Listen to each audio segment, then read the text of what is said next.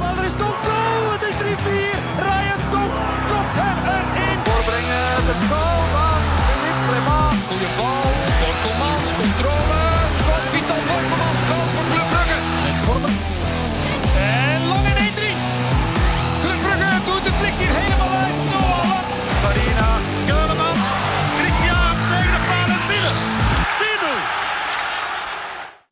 Dag beste luisteraars, welkom bij een nieuwe aflevering van De Klokken, een voetbalpodcast voor en door Club Brugge supporters. Wil je op de hoogte blijven van de laatste nieuwtjes? Volg ons dan zeker op ons Instagram-account, De Klokken Podcast, in één woord. En op dezelfde manier kan je ons ook terugvinden op Twitter. Voor vragen en suggesties kan je altijd mailen naar deklokkenpodcast.gmail.com of een DM sturen. Voor de mensen die via Spotify luisteren, vergeet zeker niet om op de follow-knop te klikken bij ons account en dan krijg je meteen notificatie zodra er een nieuwe aflevering online staat. Voilà, zoals je hoort, beste luisteraars, na deze verplichte call to action is de vaste host Nicolas afwezig. Zijn prioriteit ligt blijkbaar bij een romantische Valentijnsdate en niet bij de club. Dat is te onthouden, dus te noteren. Maar voor het eerst in 42 afleveringen zal Nicolas er niet bij zijn, maar ik zal mijn best doen om hem zo grondig mogelijk te vervangen. Gelukkig ben ik daarin niet alleen, maar kan ik altijd rekenen op vaste gast Nico. Dus bedankt voor er weer bij te zijn, Nico. Dat is eh, heel graag gedaan. Het is eh, een keer tof om bij uw debuut hier bij ons als echte host ook eh, te zijn. Ik moet Voilà, zeggen, mijn vriendin had mij ook nog eens gezegd van, nou, het is toch Valentijn vandaag, maar ja, ik heb mijn prioriteiten goed gelegd. we, we hebben een, een, een andere date voor veel, deze Valentijnsepisode. En ook een zeer romantische en liefhebbende gast. Hij speelde bij Club Brugge van 84 tot en met 88. En hij behaalde in die periode eenmaal een beker en won eenmaal het kampioenschap. Momenteel is hij nog medewerker bij Club YLA, waar hij daarvoor ook trainer was. Welkom aan Leo van der Els. Goedenavond. Dus bedankt dat je bent, Leo. Ja, graag Voor ons, gedaan. voor ons vervoegen in de virtuele studio. Is dat de, de eerste keer dat je zo aan een podcast doet? Ik heb dat nog wel eens gedaan. eh, dat is ook al een, ja, dat is nog niet zo lang geleden, maar eh, het had niks met eh Club Brugge te maken. Ah ja. maar ik heb eh, een klein beetje ervaring in podcasts. Ja, want het is, het is eh, goed dat je het zegt, want het heeft niks met Club Brugge te maken. In deze podcast gaat het natuurlijk vooral over Club Brugge gaan. Hè, Ja, dus, terecht ook. Hè. terecht, terecht ook. dus het is een betere podcast dan de vorige, laten we zo zeggen. Ja, dat heb jij gezegd. Dat heb jij gezegd.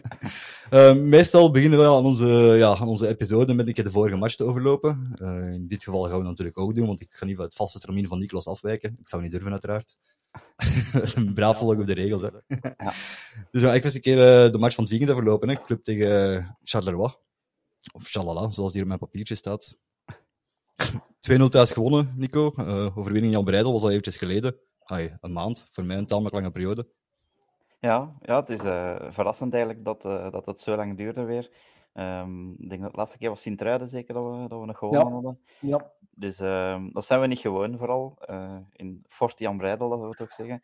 Het is al, ik denk dat ik het gisteren nog ergens eh, gehoord heb, dat het van 1992 of 93 geleden was. eh, onder Hugo Broos nog, dat we, dat we zoveel punten hebben verloren thuis. Dus ja, het wordt wel tijd om daar i- een keer terug iets aan te doen. En ik hoop dat dat gisteren toch een beetje een nieuwe start geweest is dan. Nou, het deed ook deugd, denk ik. Hè. Ja. Je zag dat ook een beetje aan de, de ontlading na de wedstrijd. Eh, niet alleen bij de spelers, maar ook eh, bij, de, bij de supporters, eh, bij het bestuur. Ehm, natuurlijk, ja, je had eh, net voordien die wedstrijd van Union. En iedereen was op de hoogte, want ik was toevallig in het spelerzoom voor de wedstrijd. En ik heb daar toch wel wat spelers zien, zien passeren van club die snel eens een kijkje kwamen nemen. En plotseling bij de, de strafschop in de, in de 92e minuut stonden er eh, nog wel wat meer. En eh, ja, die werd dan gemist eh, door Dante van Zijr. Dus ik denk dat dat toch wel een, extra, een extra motivatie heeft gegeven aan de, aan de spelers van, van club. En ook aan de, aan de supporters vond ik. Ik vond dat de sfeer opnieuw beter was dan de week voordien tegen Gent. Ja. Eh, er werd meer gezongen, werd meer geroepen.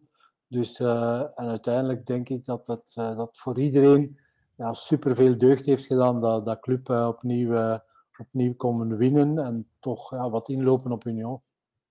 Eh, ja, het is dan. Dus, ai, we kruipen drie puntjes, of eigenlijk anderhalf puntje dichterbij. Hè. Dus, Ja. het gevoel, ai, zelf heb ik het gevoel dat ze toch al een beetje nerveuzer beginnen worden in Brussel, omdat ze die situatie ook niet gewoon zijn. Dus dat is eh, goed voor ons. Het is goed voor te horen dat de spelers er ook effectief ja, actief mee bezig zijn, zeg maar. Hè. Ja, ja, dat wel. Want eh, allee, ik heb de wedstrijd nu ook gezien van Union en ik vond dat er toch wel wat zenuwachtigheid begint te sluipen in de, in de ploeg. Hè. Eh, tegen ons, tegen, eh, tegen Anderlecht, tegen Antwerpen hadden ze eigenlijk niks te verliezen. Konden ze ook van, vanuit hun ja, toch wel afwachtende houding of afwachtende positie spelen. Maar nu tegen Sint-Truiden, dan moesten ze, moesten ze eigenlijk zelf het spel maken. En daar hebben ze wel, wel moeite mee. Dus eh, Ja. het, wordt, het wordt nog heel spannend, denk ik. Ja, ik heb hem exact hetzelfde gezegd. Ik, zei, ik- Ja. ik, wil het toch eens zien tegen Sint-Truiden, als ze zelf het spel moeten, Ja, ja moeten maken. En Sint-Truiden is een ploeg die dat ook heel goed beheerst. En ik heb, ik heb al eens gekeken in de kalender. Ik heb gezien dat Union eh, nu naar Charleroi moet. Dus dat is... En wij naar Eupen. Ja, de mens begint wel een beetje te dromen natuurlijk. Als je, Ja, maar je moet natuurlijk wel, eh, vind ik als Club Brugge, in de eerste plaats naar jezelf kijken. Ja. Want het is, we zijn dan niet gewoon de laatste jaren om te rekenen. Nee, ja. meestal was het eh, gewoon wat uitlopen. En eh, nu zijn we een klein beetje aan het rekenen geslagen. Je moet je, moet je wedstrijden altijd eerst zelf winnen. Natuurlijk, Union naar Charleroi. Voor Charleroi is het een beetje de laatste kans hè, om nog eh, eh, punten te rapen eh, en, en, en, en in aanmerking te komen voor die, voor die play-off 1. Dus, eh, maar dan moeten we nog altijd zelf gaan winnen in Eupen. En we weten dat dat in Eupen, klein veld, ja, niet altijd makkelijk is om, om, om daar te gaan winnen. Natuurlijk, als Club Brugge moet je er wel van uitgaan. Dan moet je wel het vertrouwen hebben om daar de drie punten te gaan pakken. Want ja, anders, anders hoor je ook niet bij, bij Club Brugge. Dat is, dat is, dat is Het is al te, te hopen dat er niet veel regen valt de komende week, want dan is het nog Ja. moeilijker aan de keerweg natuurlijk. eh. Dat heb jij ook weer gezegd. Ja. Het, is, eh, wel, eh, het was inderdaad, het had ook de indruk dat het publiek tamelijk positief was. Maar wat dat me toch Ja. ja. opviel tijdens de match waren toch wel de vele relatief terechte verzuchtingen, vond ik. Rondom de ja, oneindige brede paarsjes en achteruit paarsjes, die ze toch wel een beetje beu gezien zijn. Omdat het, het, het is een beetje een tactiek van de trainer, vermoed ik. Hè. Het zit een beetje in Schreuder zijn DNA. Maar het zorgt soms ook een beetje voor, een, ja, voor kansen weggeven, denk ik. Hè. Omdat de opbouw is- nerveus is- gebeurt. eh. Ja, maar ik begrijp, ik begrijp dat ook wel. Hè. Het is een ander soort voetbal. Hè. Je moet, eh, je moet Philippe Clement zijn voetbal was iets meer recht toe, eh recht aan.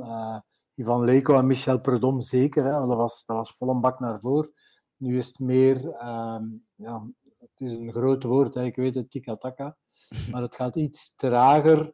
Ehm, vaak ook eens terug naar achter om opnieuw die, die aanval op te bouwen. Maar ik meen toch te mogen zeggen dat we gisteren een paar fantastische aanvallen hebben gezien, die dat we ja, misschien vroeger wel minder zagen. Ik ik herinner me nog die tweede, de tweede helft, ehm, door het centrum met Hans en met, Charles. met Charles. Ja. Door door het, het centrum en dan die beweging en dan eh, Hans die meeging en, en dan eigenlijk een, een fantastische aanval. Ehm, ja, ik begrijp ook wel het, het, het, het publiek een beetje en de mensen die dan zitten te kijken, die zeggen van ja, het gaat wat trager en terug achteruit en terug breed. En, en, maar met momenten zie je toch wel eh, fantastische aanvallen. Ik denk dat we ons daar, Ja. daar vooral moeten op focussen. Ik denk Ja, inderdaad dat, dat, dat een beetje een routine dan ook opgebouwd moet worden. Hè. Ik denk als die routine wel, meer ja. opgebouwd wordt, dat dat ook sneller gaat gaan. Hè. Maar, Ja, sorry Nico, ik had u, onder, ik had u onderbroken. Ja, ik, Nee, nee, ik, nee. ik wou nog zeggen, ik, ik vond wel dat die aanvallen daar ook precies meer kwamen een keer dat we op voorsprong stonden. Dat Charleroi zelf moest komen en een beetje meer ruimte. Want ik vond in de eerste helft dat die goede aanvallen toch vooral uitbleven eigenlijk. Nee, nee, maar terecht, dat is een terecht opmerking. Hè. Je, de ploegen maken ook hun huiswerk en als ze een laag blok zetten eh, tegen ons, ja, dan krijgen we minder ruimte. Als je zag hoe weinig dat Olsen bijvoorbeeld in de eerste helft in, in de match is gekomen, komt dan 1-0 voor. Charleroi moet ook wat, wat meer naar voren gaan spelen, er komt meer ruimte en dan pas zie je het echte, het echte Club Brugge. Ja, want ik vind van voor dan zo voorzichtig tussen aanhalingstekens nog te spelen en, en, en minder risico in het spel te leggen dan bij Clement, vind ik dat we wel nog iets te veel kansen weggeven. Ja, ja, ja. Je kon gisteren die match winnen met, met 6-2 of 6-3. Ja, voilà. Ja, Maar je kon ook op een bepaald moment, als het 1-0 is, krijgen ze een hele goede kans. Ja. En kan het ook 1-1 worden, dan krijg je natuurlijk wel wel een andere, een andere wedstrijd. Dus ja, met die drie, die drie man in verdediging, ja, dat is altijd toch wel, toch wel een risico. Want als je, als je tegen een ploeg speelt die dat in, in de omschakeling speelt, zoals dat heet, ja, dan, dan krijg je soms wel ruimte. En dan, ja, dan komen er wel wat kansen. Alhoewel dat ik vond, en ik hoop dat niemand mij hier tegenspreekt, dat ik gisteren uh, een wereldpartij heb gezien van een Sokkie, Ja. die Al, al toch wel al wat kritiek heeft gekregen. En ook vaak, dat dat duidelijk zijn, niet onterecht, door, uh, door zijn soms nonchalante manier van, van spelen. Maar wat ik gisteren gezien heb, Ja. Nee, gisteren zat inderdaad overal tussen. En we waren er net nog over ja, bezig dat, dat, is, dat, ja, het echt dat was een, echt... Ja. dat het echt een beest was eigenlijk. eh. Ja. Ja, en ook een sterke Mignolet terug eh, de laatste Ja, weken, vind ik. Eh, Dat doet ook heel veel, vind ik. Ja, Nu, zeker- die de nul kan houden, ja. Zeker met, zeker met de handen, maar ik vond hem met de voeten dan, ja, maar dat is misschien deel van die opbouw en die routine, vond ik hem soms ook een beetje ja, te veel willen opzij passen ook in plaats van te willen wegschieten. eh. Ja, ja, maar ja, dat is het. hè. Opdracht van de coach, denk ik. Hè? Ja, ja, dat is ja, dat is ja, dat is je dat begint, opdracht. ja, je begint van, van, achteruit aan, eh, eh, van achteruit op Ja. te bouwen. Hè. En dan, ja, je ziet heel weinig, eh, nog heel weinig lange ballen hè, in de diepte. Ja. Het is meer eh, in de voet aanspelen en dan via de flanken eh, de individuele actie maken. Het is anders, klopt, Ja. het is anders. Ik heb gisteren nogal lachend gezegd dat, eh dat Mignolet waarschijnlijk binnenkort de nummer 10 gaat krijgen. Als, eh, Ja, Als als ze verder ja, ja, ja, wie weet. hè, wie weet. Het zou ook iets nieuws zijn in het Belgische voetbal, denk ik. Ja. Eh, wie dat ook nog een sterke wedstrijd speelde, vond ik, en dat is eh, ja, iets wat wij in onze transfer deadline day een beetje lacherig over deden natuurlijk, de persoon Dennis Odoi. Ja. Die toch ook al zijn truitje eh, bewezen heeft nat te willen maken voor, voor de club in die paar matchen dat er gespeeld zijn nu. Dus ik Ja, nee, terecht, een terecht opmerking. Ik vond hem heel sterk spelen gisteren. Ik denk dat het ook in het begin wat zoeken was naar zijn positie. Want ja, in principe is Odoi een beetje gehaald. Moest er iets gebeuren met Matta. Maar nu in dit systeem ja, is, dat, is dat natuurlijk iets anders. Maar ik vond hem op de zes eh, heel goed. eh, een beetje ja, op zijn Engels eigenlijk. eh, hard in de duels. Maar ook een hele goede passing. Eh, heel dikwijls in de, in de diepte, in de loop. Hè. Dus zoals die eerste goal eh, van Mats. Ehm, ja, komt er heel snel uit met de bal aan de voet en, en speelt dan op het juiste moment diep. Ehm, ja, ik vond hem heel goed spelen. Ik heb hem nu... eh, eh, ik werk dus fulltime voor Club Brugge en ik zie hem dagelijks bezig eh, op het, eh, in het basecamp. En ik vind ook wel zijn trainingsmentaliteit, de manier waarop dat hij met alles omgaat. Het is echt wel, is ook wel een topgast. Dus wat dat, betreft denk ik dat we, dat we er nog, nog veel plezier aan beleven. Ja, in, het, clubje van de Club Media, in het filmpje van de Club Media House, van zijn voorstelling, werd hem ook zo voorgesteld als toch een tamelijk intelligent persoon. En op zich Ja. lijkt het dat ook wel uit te zijn, zo in die match dat hij gespeeld heeft. Ja, absoluut. Je ziet dat ook aan, aan de manier van, van, van, van spelen. Hè. Het, is, het is een gast die... eh, je speelt niet zomaar, denk ik, altijd zes jaar in de... eh, Oké, ze hebben dan in de eerste klasse gespeeld en dan allee, het is een beetje eh, op en af gegaan, maar je moet die tweede klasse, tussen aanhalingstekens, eh, van Engeland ook niet onderschatten. Nee, nee, nee. Want daar, staat ook wel wat, eh, wat, eh, daar staan ook wel wat teams in. Dus als je daar je zes, gaan, zes jaar kan, eh, kan staande houden, dan, ja, dan, dan, dan heb je toch wel iets in huis. Iets Ja, ik vind het ook wel. Ja, want we hebben er inderdaad een beetje lacherig over gedaan als, hem, eh, als dat eigenlijk onze verdediger was die, die kwam. Maar ik, ja, ik denk wel dat we onze mening al, nu al moeten herzien. Want ik vind ook, het is niet meer dan Odoi die wij nog kennen van vroeger, vind ik. Ja. Die, die Engelse mentaliteit zit er echt wel in. En gelijk dat Schreuder terecht zei, hij zorgt voor agressiviteit. Eh, en een beetje dash. eh, iets wat Balanta ook wel heeft, vind ik. Maar Ruud Ja. minder. En dat kunnen we op die positie zeker toch wel heel goed gebruiken, vind ik. Ja, ja, absoluut. Terecht, eh, terecht opmerking. eh. Ehm, hij brengt inderdaad die een dash. Hè, Ja. dat, eh, wat dan een 6 of een verdedigende middenvelder eigenlijk wel, wel moet hebben. En daarboven vind ik ook dat hij wel heel, heel goed kan, kan voetballen. Met Balanta heb je dat dus aanhalingstekens iets minder. Dat is meer een, een afpakker en een balafpakker die dan snel eh, de bal inspeelt. Maar eh, aan de manier waarop dat eruit uitkwam in, die, in de eerste helft en dan die diepe bal eh, gaf op, op, op Mats om, om te scoren. Ja, toch, wel, toch wel een sterke prestatie gisteren, absoluut.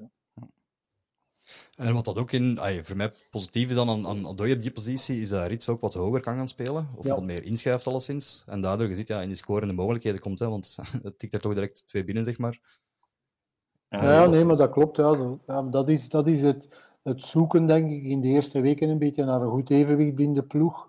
En eh, ja, dan gaat dan ja, soms ten koste van Ruud. Ik denk dat Ruud ook wel, zeker maar aan vast zijn, zijn wedstrijden nog gaat spelen en zijn verdiensten nog gaat hebben. Maar ja, in het begin was dat wat zoeken. Hè. En, en een ander soort voetbal, ander systeem. Ja, dat heeft, ja, heeft, heeft soms wel wat tijd nodig. Ja. Ik dacht, eh, Nico, wat gaan we iets zeggen hoe dat die doelpunten van Mats Rits tot stand waren gekomen? Of, eh, Ja, omdat je inderdaad ehm, ook in, in de media spraken ze van de assist van Odoi en ehm, bij, ook bij het tweede doelpunt de actie van Scovolsen. Ehm, maar ik vond dat er ook de, de acties die ervoor geweest zijn, waren toch wel heel beslissend. Zoals bij die eerste goal, een Sokkie die daar het heel goed doet. ehm, van Aken, die dan de perfecte pas teruggeeft aan Odoi, want anders was de actie daar ook al afgebroken. ja, klopt. Ja, en bij die tweede goal is het, eh, ik, Mechelen, dat ook wel een groot aandeel heeft, want Matta verliest daar eerst een bal. En, en ik denk dat uh, Golizadeh was die naar het doel schiet. En Mechelen blokt hem nog af. Ja. Uh, dat zou direct goal kunnen zijn, maar door het goed afblokken van Mechelen zijn we daarna kunnen aanvallen. En uh, hebben we toch die tweede goal gemaakt. Dus ik, ik ja, ja, dat is... Twee belangrijke vooracties bij de. Ja, ja maar dat is, dat is ook een beetje het voetbal natuurlijk. Hè. Ja. we hebben het we zeggen het, ja, Mignolet geeft te vaak breed, maar het begint meestal van achteraan. Hè. Ja. De eerste goal een sokkie aan, aan onze, eigen, onze eigen cornervlag, bij manier van spreken, dat hij die bal uh, recupereert en inspeelt. En zo gaat die, komt die aanval op gang. Het tweede doelpunt uh, bij Mechelen. En dan zie je die lopende mensen vanuit het middenveld. Ik denk dat de eerste goal uh, van Mats Rits een, een spurt was van 80 meter, denk ik. Dus dikke chapeau. Het tweede goal ook, hè, doet hij een serieuze inspanning. Ja. Dus ja, van achteruit, ja, inderdaad. Het is, ook, het is Mats nu zijn, ah, zijn vierde van het seizoen. Um, zijn zesde nu, als je de Champions League meetelt eigenlijk. Maar wat, wat dat wel mag natuurlijk, want dat is niet slechts een doelpunt in de Champions League. Ja, dat is zijn meest productieve seizoen ooit, en het is eigenlijk nog maar februari. Dus uh, desondanks zijn leeftijd is hij nog veel progressie aan het maken. Wat dat, ja, voor iemand van 28 jaar normaal is er veel niet meer gebeurd. En zie je die zelf nog veel progressie maken verder, buiten het niveau dat hij nu al heeft? Ja, pas op, 28 is nog redelijk jong voor een voetballer. Dan zeggen ze, je ja, misschien, die, op schrijf ik ze erop af, ja. dan zijn ze op je best. Maar ja, Mats is iemand die, die, die ook heel veel plezier brengt in, uh, in de ploeg. Ik bedoel daarmee, uh, op training ook, dat is een, een, een gast die, die altijd als eerste buiten is, die, uh, die met heel veel goesting komt trainen je ziet dat hij, dat hij zich amuseert. Klaagt ook nooit als hij op de bank terechtkomt, omdat hij, omdat hij weet dat, dat zijn, zijn kans wel, wel zal komen. Ik denk dat, dat, dat Mats ook nog in de, in de, in de play-offs een, belangrijke rol wel eens zou kunnen spelen als, als ja, de, de, de, de blokjes allemaal nog juister wat vallen. Dan, dan denk ik dat we, ja, dat we nu, toeval wil, dat is even een anekdote. Uh, ik zeg tegen hem voor de match, ik zeg, hij was aan het vogelpieken, want er hangt een vogelpiek in de kleedkamer. Ik zeg tegen hem voor de match, ik zeg, ik hoop dat je beter shot als dat je vogelpiekt. Um, want ik zie u vandaag scoren. En hij zegt, ja, met mijn links of met mijn rechts. Ik zeg, ik zie u vandaag met links scoren. En hij zegt, ja, ik denk met rechts. Weet het, maak er twee en dan, dan zijn we content. En ik ben na de wedstrijd ook direct uh, naar buiten gegaan en ik heb hem gefeliciteerd. Ik zeg, weet je nog wat we voor de match hebben gezegd? En hij zei, ja, inderdaad, dat is eigenlijk wel straf. Hè? Dat je aan de vogelpiek, uh, aan het daarsbord, zo'n dingen tegen elkaar zegt. Maar ja, het is, het is ook een hele amabele gast. dat zie je altijd, wel. Goed, ja. ja. altijd goed heeft een ja, DNA van club, hè. Ja, ja, het is dat. Ja. Echt, uh, no sweat, no glory. Ja. We spreken vaak natuurlijk over, over Hans van Aken, die dat ja, in zich heeft, maar en Mats Rits uh, kunnen we er eigenlijk ook bij ja, rekenen. Het zijn hè. twee, ja, twee verschillende type, type spelers. Ja, ja. Ehm, denk Nico en ja, Leo, als jullie niks meer speciaal te vertellen hebben over Club Charleroi, dat we dat eigenlijk kunnen afronden. Hè. Kunnen overgaan naar het centrale thema, namelijk Leo zelf. Ja, ik ben centrale. het hoofdthema. hè. Ja. Nu, je hebt dat net al gezegd, ja, we zijn een clubpodcast, dus ons interesseert natuurlijk vooral het eh Club Brugge gedeelte. Dus ja, bij ons begint uw verhaal vanaf eh, 1984, 1985 eigenlijk. Hè. Uw transfer van Antwerpen naar Club. Eh, hoe is die een beetje tot stand gekomen toen? Ja, speciaal verhaal. Hè. Ik, uh, ik ben op mijn zeventiende begonnen bij, bij Antwerpen en ik heb daar uh, vijf jaar gespeeld. En dat was ook het, het vijfde jaar was ook genoeg. En uh, ik zat eigenlijk een beetje te wachten op, op een transfer die dat, die dat eigenlijk niet zo vlot tot stand kwam. En ik herinner mij de dag voordat de transfer sloot, dat was om 12 uur s middags, krijg ik s'avonds om om, uh, ik denk rond 11 uur of zoiets, een telefoon. Geen gsm, want ja, dat, dat bestond toen nog Maar uh, een telefoon van, uh, van Antoine van Hoven. Die, die zei van, ja, wat zou ervan denken om naar, naar Club Brugge te komen? Ik zeg, ja, daar moet ik, daar moet ik niet, te lang, niet te lang over nadenken. En hij zegt, ja, kun je morgen... Dat is mijn hond, hè. Ja, ja. Dat is een van mijn honden. Hij zegt, ja. Een kleine en een grote. Wat zou je ervan denken? Moesten morgen om 9 uur uh, naar Club Brugge kunnen komen in het Jan Breidelstadion. we zullen nu daar opwachten en we gaan dan een keer spreken over een transfer. Ehm, ik zeg ja, ja, heel graag, natuurlijk. Ja. Een maat van mij opgebeld om mee te gaan, want ja, ik had geen manager. Of, allee, ja. Dat bestond toen op dat allee, dat bestond wel, maar ik had geen manager. Dus een maat van mij opgebeld die nog gelukkig wakker was. Ik zeg, ja, de Brugge heeft gebeld en ik zou, ik zou toch een keer willen gaan klappen. En uh, om negen uur was ik daar en uh, ik pijs dat ik om tien uur, een uur nadien, een contract uh, heb getekend voor vier jaar bij Club Brugge. Zo blij als een kermisvogel, zeggen ze bij ons. Dus dat zeggen, zo blij als een klein kind. En ehm, ik denk, kwartier nadien komt Frankie van der Elst daartoe. Frankie die toen bij RWDM speelde. En uh, die, uh, die, die ik al kende van mijn 14e, 15e, want we zijn van dezelfde streek. Ja. Uh, we, hebben, we hebben samen nog in de selectie van Brabant gespeeld. Eh, twee Brabanders, twee Vlaamse Brabanders, die kwamen ook tekenen. En dan hebben ze net voor 5 voor 12 of zoiets, hebben ze nog Gino Maas getekend van Cercle Brugge. Dus dat waren eigenlijk drie transfers op, op drie uur. Ik kan me niet voorstellen dat dat nu nog, ja, voilà. dat dat nu nog dat dat nu nog gebeurt. Vince heeft dat ook een keer gedaan. Hè? De deadline met Jelle Vossen en uh, Agu en uh, Pereira, denk ik. Ja, ja, het zou kunnen. Ja, het zou ja. kunnen. Ja. ja. dus maar toen, ja, op, op, uh, op, op drie uur tijd, drie spelers getekend voor, voor, allee, voor vier jaar. En ehm, ja, toen ook de trainer nog ontmoet, dat was toen een Kouwaard, die daar ook even kwam, kwam goeiedag zeggen. Dus uh, met Antoine van Hoof is dat uh, eigenlijk uh, op, op, op, Jan Breidel gebeurd.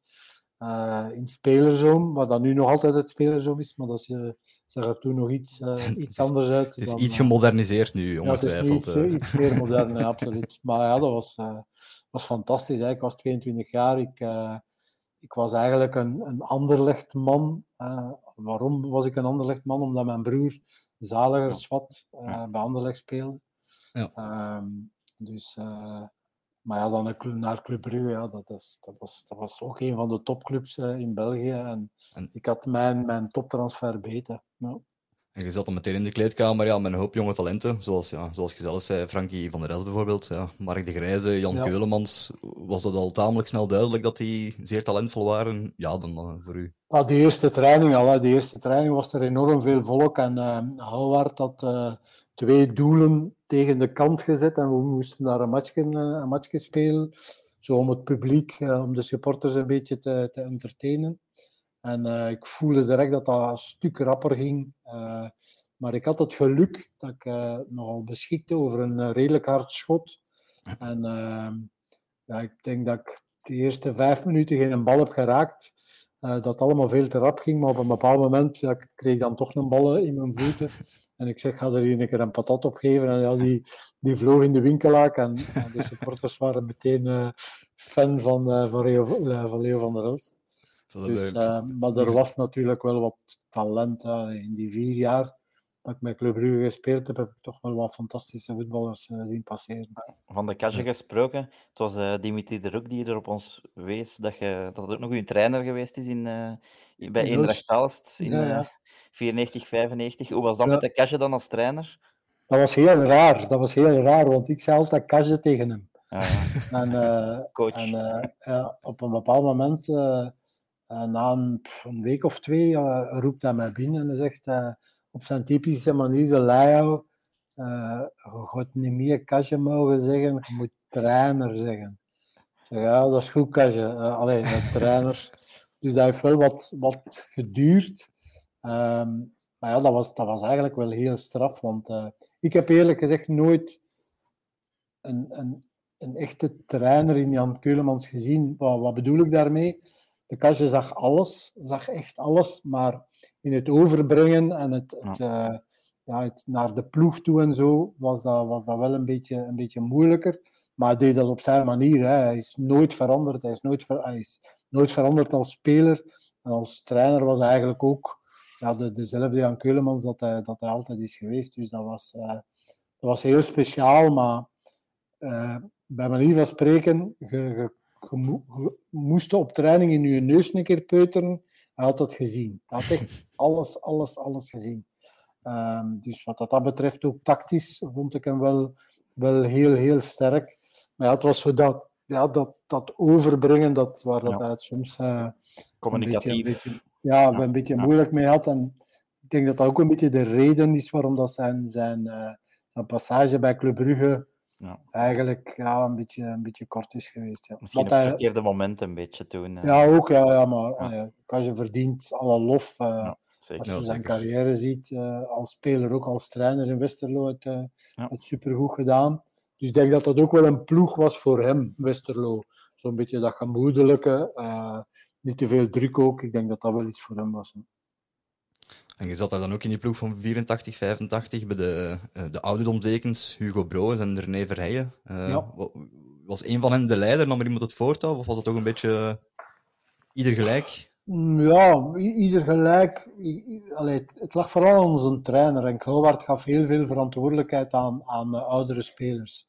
Uh, en daarmee bedoel ik uh, inderdaad Hugo Broos, René Verrijen, De Cage, um, Willy Welles ook, die daar op dat moment bij liep. En daar rond ja, waren dat allemaal andere type spelers, maar meer dienende voetballers, zoals een Alex Kwerter en Peter Krijven, Luc Bijens.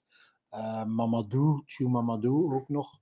Um, twee fantastische doelmannen hadden we toen, dat mogen we ja. zeker niet vergeten. Ja. Uh, van der Wallen en, uh, en Berry Rensen. Um, puntenpakkers, wat dat toch wel heel belangrijk ja, ook, ook, ook, ja, ook zeker, maar ook puntenpakkers. dus ja, we hadden eigenlijk wel een hele, een hele goede ploeg. Um, de sfeer was daar natuurlijk wel schitterend. We, we herinneren ons allemaal, al ik toch, de legendarische supportersavonden.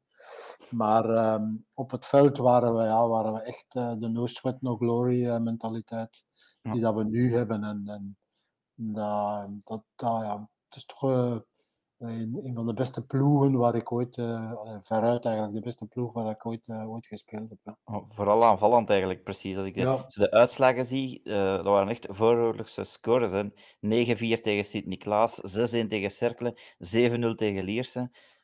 Ja, ja dat, was ook, dat was ook een beetje Henk Houwaard, hè, zijn stijl. Ja, ja. Henk Houwaard dacht niet aan verdedigen, hè, dacht alleen aan aanval. Dus uh, ja, dat, was, dat kon inderdaad uh, een voorval dat je dan die matchen had van 9-4, 7-1. Ja. Maar ja, je moet niet vergeten, Papij heeft daar ook een jaar gespeeld, Jean-Pierre Papij. Ja, dat was het jaar die, erop, ja. ja. als die naar de goal uh, uh, shotte, dan was het meestal, meestal binnen. Dus Kenneth Brille ook, super, super talent. Dus we hadden wel aanvallend heel wat, uh, heel wat. En daarom dat ik ook zeg, degenen die daar rondspelen, moesten vooral werken in functie van, van die aanvallers. Het vuile werk, tussen aanhalingstekens, maar ja, we werden dan er wel allee, voor beloond door, door veel punten te kunnen pakken. zijn de noeste, de noeste arbeiders, inderdaad. Hè? Ja, absoluut. ja. Nee, nee, maar dat jaar, is, jaar dan toch slechts, ja, slechts tweede geëindigd natuurlijk, uh, achter Anderlecht. En uh, ik denk de achtste finales van de Beker van België. Volgens mij. Ja, ja, dat zou kunnen. Ja. dat herinner ik me mee. Het is dat, geen, geen prijs is meestal voor te vergeten dan. Dat, dat is logisch. hè? sowieso. Maar ik denk, ja, daarna was ja, Henk Houwart nog steeds getraind natuurlijk. Um, wat was het dan? 85, 86 inderdaad. En dan, gelijk gezegd, komt Jean-Pierre Papin erbij. Hè?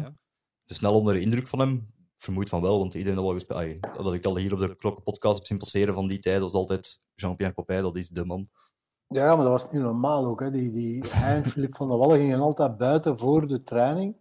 En zonder opwarming begon die, die naar de goal te shotten. En daar zat zoveel kracht achter, maar zoveel. Ik kon hard shotten, maar Jean-Pierre Papin, dat was, nog, dat was nog een ander niveau. Dat was, uh, ja, dat was, dat was een fenomeen. Hè. Dat is ook geen toeval eigenlijk, want hij heeft ooit nog de gouden bal gewonnen. Ja, Als je ja. dat wint, allee, dan moet je wel uh, wat, wat kwaliteiten hebben. Uh, ja, dat was een fenomeen. Dat was echt een fenomeen. Dat was uh, een gast die ook no nonsense en allee, die kende ook maar één weg en dat was rechtdoor. Uh, ook in het uitgaan soms kende hij maar één weg en dat was rechtdoor. Uh, maar ja, geweldige, geweldige voetballer om mee te spelen. Toch ook een van de, van de grootste talenten waar ik, waar ik ooit uh, mee, heb, mee heb samengespeeld. Hoor. Ik denk tegen Boavista was dat ook al direct duidelijk. Hè? Direct een, een hat-trick. En, en jij trouwens in Boavista daar nog de ja, 4-3 ja. gemaakt. Absoluut, ja, dat uh, weet ik nog. Ja, maar daar was wel direct hat-trick tegen Boavista. Dat hem wel zijn visite, visitekaartje afgegeven, denk ik. Ja, sterk, ja, super sterk. Absoluut. En dat jaar dan wel de beker gewonnen tegen Cerkel. Met 3-0 ja. op Jan Breidel zelf. Jan Breidel, een, ja. Een, een, fantastische ervaring geweest, hè, natuurlijk. Maar ja, dat was, dat was ook... Ja, was zien dat het om naar Den IJssel te gaan met twee Brugse ploegen. Ja, dus dat was het beste plan eigenlijk, ja, om, om op Jan Breidel zo te wat spelen. Brussel gaan inpakken met Brugse ploegen, dat is ook altijd een keer plezant natuurlijk. Ja, dat wel, dat wel, maar laat ons dat misschien van het jaar nog een keer doen als we, als we de bekerfinale hopelijk spelen. uh, maar dat was, ja, dat was fantastisch. 30.000 man uh, in Jan Breidel en dan 3-0 win. Uh, ja, mooie moment, hè. Mooie moment. En, en het seizoen daarna, 86, 87, dat was misschien wel lastig te doen bij de club dan? Misschien voor u persoonlijk misschien niet, maar als team, ik denk derde in de competitie en terug die achtste finale van de beker. Ja, vooral de schakeling tegen Rapid Wenen in de ja, juist, ja, Europese 4-3 verloren Ginder, 3-3 thuis. Ja, was nee, nee, klopt, gedaan. klopt. Ja. ja. want dat was uh, een ploeg dat we absoluut moesten aankunnen. Hè. Rapid Wenen, uh, Oostenrijk, geen, allee, toen toch nog niet zo'n sterk, sterk voetballand. Um, ja, daar hebben we het wel wat, wat laten schieten. Ja. Maar we hebben het goed, goed gemaakt het jaar erop. Hè. Ja. Dat, hè. ja, ja, ja, dat was, uh, ja, dat was ongelooflijk. Hè. Alles, alles viel toen terug in, in, in zijn plooi. En, en ja, dan die laatste match, ik denk tegen Winterslag, denk ik, die laatste de, match. De voorlaatste speeldag, dacht ik. Of was dat de voorlaatste speeldag? Ja. ja. ja. ja. tegen Winterslag, 3-0 denk ik, of zoiets. Ja. ja. Uh, gewonnen en dan kampioen. Ja, dan, uh, ja, dan uh, dat was een zware nacht, vooral daarna. Ja, het was zelf een volksfeest uh, met de veldbestorming van de fans en zo. Uh, ja, ja, ja. Hoe, hoe, ja. hoe hebben jullie dat daarna nog uh, gevierd? Maar ja, we zijn, we, zijn, we zijn eerst al onze kleren en onze schoenen kwijtgespeeld. natuurlijk aan de supporters, ook niet, niet meer dan terecht. En dan hebben we nog, nog een paar flessen champagne gekraakt in de, in de kleedkamer en in het spelerzoon. En ik denk dat we dan gewoon, allee, zoals dat we redelijk vaak deden, toch wel met de supporters de nacht ingedoken zijn. Hè, tot, tot s morgens vroeg. Ja, dat was. Dat, was allee, dat ziet je ook nu niet meer. Hè. Misschien ook niet, niet, niet onterecht, hè, want wij gingen er dan soms wel wat over. Um, door, door iets te lang weg te blijven. De supporters maar... gaan er af en toe ook wat over er iets lang weg te blijven. Hè. Dus dat kan ook ja. samen gebeuren hoor. Ja. Ja, als je dan een dag nadien terug moet voetballen, of twee dagen nadien terug moet voetballen, dan, dan is dat toch wel aangewezen dat je ook wel wat soigneert. Maar ja, dat was toen in die tijd zo. Allee, ik heb het daar straks over die supportersavonden gehad. Dat was soms vier, vier supportersavonden op één avond. Hè. Dus maandagavond vier supportersavonden. En wat was dan het plan? Uh, naar elke supportersavond gingen er vier of vijf spelers. En om een uur of half elf, elf uur was dat gedaan. Dan kwamen we allemaal met alle spelers op de plaatsen samen. En dan, ja, dan gingen we op stappen. Dan gingen we op stappen. De supporters die wisten dat al. De supporters die wisten, ah, het is een. En we, ze gingen kijken, ah, vier supportersavond. En daarna zullen de mannen wel naar de plaatsen gaan en daar dan samen iets drinken. En dan trokken wij het stad in. Ja. Dat, was, dat was schering en inslag. Maar dat was nooit vroeg dat we thuis kwamen. Maar wel de dag nadien, dat was dan een dinsdag, was twee keer training. En dan was het wel over ons lijken. Want man als René, René Alex Kwerter, uh, De Cage, uh, Willy Welles, dat waren Hugo Broos, dat waren mannen die dan op kop liepen. En die ons echt wel lieten, lieten afzien, die eerste training. Dat was smiddags dan rap iets eten, al de lichten uit in spelerzoon. een uur of twee bijslapen, in de namiddag terugtraining en dan naar huis. En ja, dan, dan waren wij terug fit. Hè? Of min of meer fit, hadden we alles uitgezweet. Dus ja, dat, was, dat zijn andere tijden. Hè? Dat, dat, dat, dat, kunnen nu, dat kunnen we nu niks, met niks niet meer vergelijken. Maar toen was dat, ja, was dat Club Brugge. Spijtig dat Club Media House toen nog niet bestond. Hè, geluk, geluk dat Club Media House toen nog niet bestond. Dat konden er ook wel, geen gsm's en zo bestonden. er konden wel wat TikTok-filmpjes van gemaakt worden, inderdaad. Ja, ja. Ik denk dat wij dikwijls een keer op tafel gestaan hebben hoor. Met, met een paar. Ja. Nou, andere tijden. Ik zeg het andere tijden. Ja, het is een beetje work hard, play hard natuurlijk. Maar als die resultaten er dan ook zijn, ja, gelijk als het Europese seizoen, eh, seizoen daar, dat is legendarisch natuurlijk. Hè. Ja, Zenit uit 2-0 en dan thuis 5-0. Ja, Rode Ster eh, 3-1 en dan thuis 4-0. Dortmund 3-0 thuis 5-0. Ja, dat is, dat is formidabel natuurlijk, hè, die thuisresultaten. hè. Hoe, hoe slagen jullie daarin voor telkens zo terug te slaan in eigen huis? Maar dat wat, allee, de supporters hebben ons elke keer, elke keer ja, erdoor gesleurd. Hè, maar echt erdoor gesleurd. Hè. Ja, ik herinner mij die match, die match tegen Dortmund, ging er 3-0 verliezen. Ja, een normale mens zou dan denken, het is, het is over. Maar op de een of andere manier geloofden wij nog altijd in die terugmatch. En wisten wij, die supporters, die gaan, die gaan er ons doorsleuren. En die mannen stonden daar bij Sturen voor de match was het al plein vol. Die waren daar aan het zingen, die waren daar aan, aan, aan, aan de clubliederen. Eh, en als wij dan op dat veld kwamen, ja, ze zeggen altijd een twaalfde man. Hè. Maar nu is dat ook, hè. nu is dat ook. Club Brugge heeft zo'n fantastische supporters, die kunnen u over dode momenten heen helpen. En dat was, vroeger was dat ook zo. Wij kwamen op dat veld en wij keken naar elkaar en zo van, wat is dat hier nu weer? Zie je hier nu allemaal een keer staan? Dat was toen eh, tegen Dortmund, ik denk dat dat min, min drie of min vier was, pijs ik, ijskoud. En die stonden daar te zingen en te dansen en geen minuut, maar geen minuut hebben die, hebben die gezwegen. En dan, ja, dan, dan kun je als, als speler kun je, kun je iets meer. Ik kan dat niet anders, kan dat niet anders uitleggen. Dan kun je iets meer. Zeker tegen Dortmund, dat was toch wel, ik denk bij de meeste supporters, de match eh, die bijgebleven is. Hè. Die 5-0 thuis was dat ook niet een van de hoogtepunten in uw carrière als speler. Drie keer gescoord, twee keer op penalty, maar dat was toch ja, waarschijnlijk een van de ja. hoogtepunten, denk ik. Ik denk dat er eh, in het Club Brugge Museum zijn er drie of vier wedstrijden die dat getoond worden elke keer.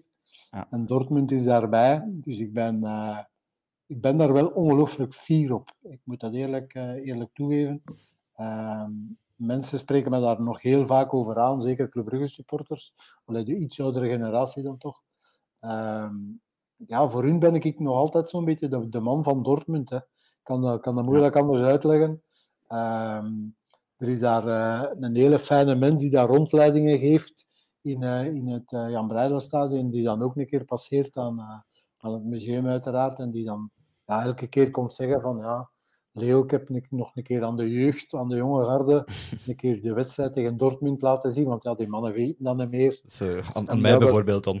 Ja, wel, nee, maar, ja, maar dat doet me toch wel... Allee, ik ben daar heel fier over. hè. Ik, ben dat, ik denk dat dat samen met die, ja, met die penalty natuurlijk, dat dat... Dat, dat, eh, ja, dat, zijn, dat, dat staat in mijn top 5 van de, de hoogtepunten mijn carrière. En Van Dortmund gesproken. We hebben hier ehm, in, in de podcast ook al een keer Filip van de Wallen te gast gehad. En ik had hem gestuurd van, wat moeten we een keer vragen aan, aan de Leo? en hij heeft mij geantwoord dat het eigenlijk een beetje dankzij u is dat hem zo zijn liefde voor Duitsland, eh, dat dat door u gekomen is. Want na de match tegen, tegen Dortmund heb je hem iets in zijn oor gefluisterd dat hij van zijn leven niet meer vergeten is. Dus nu zijn we wel heel benieuwd natuurlijk. Maar ik heb hem gisteren gezien, dat is eigenlijk Ah. een straf. Ik heb hem gisteren gezien en hij zegt tegen mij: Zijn jij morgen te gast in de, in de podcast? Ah, voilà. Ik zeg, ja, volgde jij dat dan misschien? Ja, zegt hem, ja, zegt hem. eh. Maar ik dacht dat hij, dat hij zo'n beetje de mystery eh, guest eh, ja. ging, ging zijn. Wel, eh, om, om een lang verhaal kort te maken, eh, ehm, we mochten niet uitgaan. Dus Henk Houwaard, de coach, had gezegd van, dat is hier een schande, 3-0 verliezen.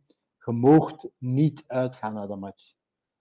Maar ja, natuurlijk, ons kennende, hadden wij tegen eh, Jan Keulemans, tegen onze kapitein, gezegd van Kaze, ga een keer vragen aan een Kouwaard of dat, dat toch niet mogelijk is om, om, uh, om uit te gaan. En, uh, en Kouwaard moet gezegd hebben tegen Jan Keulemans, als er iemand van jullie weggaat, krijgt hij 100.000 frank boete. Dus 100.000 frank, 2500 euro nu, maar 100.000 frank boete in die tijd Ja. was wel veel geld.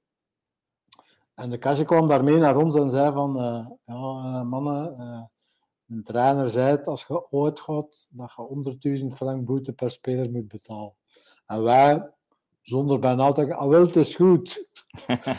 dus wij zijn die nacht effectief wel uit geweest. En ik denk dat, dat Philippe en ik een paar keer samen aan de toog hebben gestaan en op de een of andere manier begin Duits te praten tegen eh, bepaalde mensen. Dus ik denk dat het, eh, dat het daarop heeft. Allee, ons Duits was met veel haar op. En hoe later dat werd, stond er eh, meer en meer haar op. Dat legendarisch zinnetje weet je niet meer. Dat je in zijn oor gefluisterd hebt. Nee, dat weet ik niet meer. Weet het jij? Nee, hij ze- hij zei, ik vergeet het van zijn leven niet meer, zei hem tegen me. Ja, ja. We zullen het Zal- hem zelf zal- een keer moeten vragen. Hè. Ja, Ja. Ik, zal, ja, ik, ik zal het hem, als ik hem eh, de volgende keer zie, want Filip komt heel eh, vaak nu naar de thuiswedstrijden van de club. Ja. Ik zal hem een keer vragen eh, wat hij Ja. daarmee bedoelt. Het zal wel iets met, met, met vrouwen of zo te maken hebben. Ik vermoed het. Het zal misschien iets vettig geweest zijn. Ja. Ik weet het niet, het zou kunnen, het zou kunnen. Maar dat is ook al een tijdje geleden, hè, vrienden. ja. Ehm, eh, ja, het is helaas vreugde en verdriet. Ligt ook wel kort bij elkaar natuurlijk. Want die halve finale dan, daar Ja. volgend, ja, was Espanyol thuis 2-0 gewonnen. En dan Ginder. Heb je zelf gemerkt hoe dan het publiek ja, de ploeg, de thuisploeg kan helpen, hè, want met 3-0 onderuit gegaan helaas. Ja, ja, ja, dat was een dramatische wedstrijd. Hè. Ook, eh, ik denk in de laatste minuut of zo, een terugspeelbal of een fout tussen eh, Mamadou en, en, en Philippe.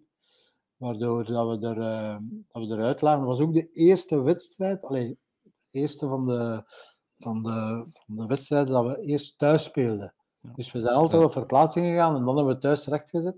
Ja. En thuis wonnen we met 2-0, wat in principe een ongelooflijke goede uitslag is. En eh, ja, we waren er misschien wel wat te zeker van dat we, dat we, die, finale, dat we die finale gingen halen. En op de een of andere manier ja, is dat daar verkeerd afgelopen. Hè. Ja, hele rare wedstrijd. eh. er was daar ook een, een, een heksenketel, moet ik wel eh, toegeven, in, eh in Espanyol. Maar eh, ja, heel raar. We zijn daar toen eh, ja, met drie... Dat, was, dat, is, dat is dan een van de grootste ontgoochelingen Ja. uit mijn, eh uit mijn clubburgerloopbaan. Ja. Het, een persoonlijk dieptepunt daar. finale. Ja, absoluut. Ja. Ja. Ja, dat zeiden Filip van der Wallen en eh Henk Houwaard ook alle twee trouwens. Dat, eh, Ja. Ja, ja, maar, Ja, ik denk als je dat meemaakt, ja, inderdaad. ja, als je er zo kort bij bent, ja, dan... De halve finale is leuk, maar finale, dat, dat, dat vergeten de mensen zeker niet. Allee, we hebben daar een schitterende campagne gedaan. We zijn drie keer of vier keer uitgeschakeld geweest, maar we hebben ons altijd toch... eh, ja, we hebben daar recht gezet. Maar dan ja, die, die, die halve, die, die, dat laatste doelpunt en dan die finale missie, dat is, dat is een dieptepunt. Ja. Maar je ziet, we zijn toch ook de halve finale niet vergeten. Hè. Voilà, Dus het is. Dat is mooi. Het, blijft, het blijft toch ook bij ons hangen. Ja. Ja. En dat was uw vierde seizoen op rij met eh, Henk Houwaard. Ehm, dus ja, uw vierde seizoen, vier keer zat de trainer. Had je ondertussen al een goede band met hem opgebouwd? Henk, wat, ik zeg nu nog altijd als we, als we elkaar eh, tegenkomen, trainer tegen hem of coach, eh, dat is ook nooit veranderd. Dat was ook eh, een coach die, die, ja, die mij mijn mooiste momenten in mijn carrière heeft, heeft laten beleven. Hè. Ik, ik ben onder hem ook eh, in de nationale ploeg geraakt, door de uiteraard goede wedstrijden met Club Brugge te spelen, maar in een goede ploeg. En Henk gaf mij ook wel, wel vertrouwen. Dus ehm, ja, als we elkaar eh, nu nog zien, dan kijken we toch wel altijd met veel plezier op die, eh, op die samenwerking terug. Ja. Ja, ook, en dan toch naar, eh naar Metz vertrokken daarna.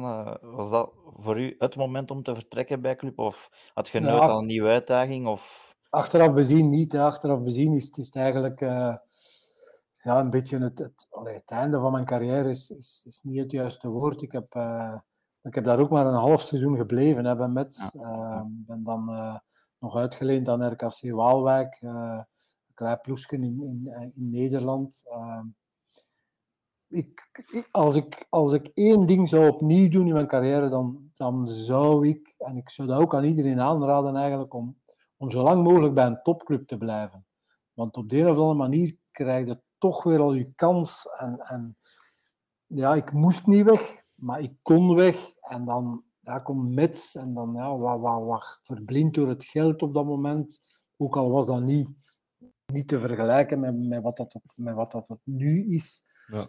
Maar ja, maar to, ja, toch op de een of andere manier. Ja, ik was 26 en ik dacht van ja, nu het buitenland en de Franse competitie was toch ook geen slechte competitie.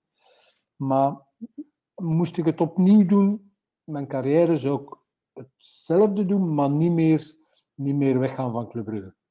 Ik zou, dat, ik zou geprobeerd hebben om nog wat te blijven, ook al, al moest ik wat inleveren of zo. Maar bij een topclub spelen is eigenlijk het plezantste dat er is. Want ik heb, ik heb achteraf nog bij, bij Charleroi gespeeld en bij, bij Racing Genk gespeeld, de eerste jaren van Racing Genk. En ook zo'n beetje onderaan het klassement eh, gespeeld en zo.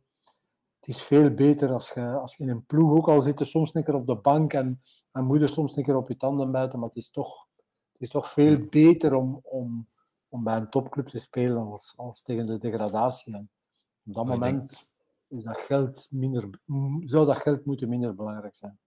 Ik denk dat de sfeer gewoon ook goed is natuurlijk bij een topclub. Als je vaak wint, ja, is de sfeer ook altijd natuurlijk meestal in orde. Hè. Ja, Tegenover de, iemand die in degradatie zit en altijd verliest, ja, is het altijd een beetje somberder waarschijnlijk. Ja, en er is altijd stress. Hè. Er is bij, bij een, een topclub stress en er is bij een degradatieclub stress. Maar Ja. ik heb liever de stress van een topclub en te Ja. moeten winnen, zogezegd, Ja, als niet mogen verliezen. Hè, want dat is, dat is iets helemaal anders. Dat is iets helemaal anders. Dat is echt. Nog een eh, interessant weetje dat eh, iemand ons wist te vertellen, Thierry Dodici, dat je op Ja. vier seizoenen eh, bij club eh, 167 wedstrijden speelde van de 180. Dat dat wel ja, heel erg veel is. Hè? Dat, dat wijst op een, ja, een sterke fysieke capaciteit, maar ook Ja, maar ja, dat, is ook al een beetje altijd mijn, mijn manier van spelen geweest. Hè. Ik denk dat daarom de supporters, en ik mag ze mijn supporters noemen, mij eigenlijk nog altijd wel graag zien. Wat bedoel ik daarmee? Eh, ik denk niet dat ik, u, dat nooit heb ontgoocheld in, in al die matchen. Ik, eh, ik was iemand die, die zich altijd gaf en ik was niet de meest fijne voetballer. En, eh, maar ja, dat zien de supporters graag. Hè. Supporters van club moet, en dat weten jullie ook, moet zijn truitje nat maken. Hè. Ja. Wij houden niet van, wij, ik zeg altijd wij, nog met veel plezier, wij houden niet van salonvoetballers. Hè. Nee, maar dat is zo. Je, moet je, je moet je truitje nat maken en je moet je smijten en je moet, ja, je moet alles geven voor de club. Dat grond. Alles geven voor de club. Ja, ik denk dat dat een van de redenen is. Pas op, eh, ik scoorde ook regelmatig. Ik denk dat ik een veertigtal doelpunten heb gemaakt in die, in die vier seizoenen. Dat is toch tien per, eh, per, eh, per, per, wedst- eh, per seizoen. Dus ja, ik had ook wel, ik had ook wel mijn verdienst. En dan ja, die match tegen Dortmund en dan nog wat, wat wedstrijden. Dus, eh, maar ja, je moet je, moet, moet je smijten. Hè. Voor, als je voor club speelt, moet je smijten.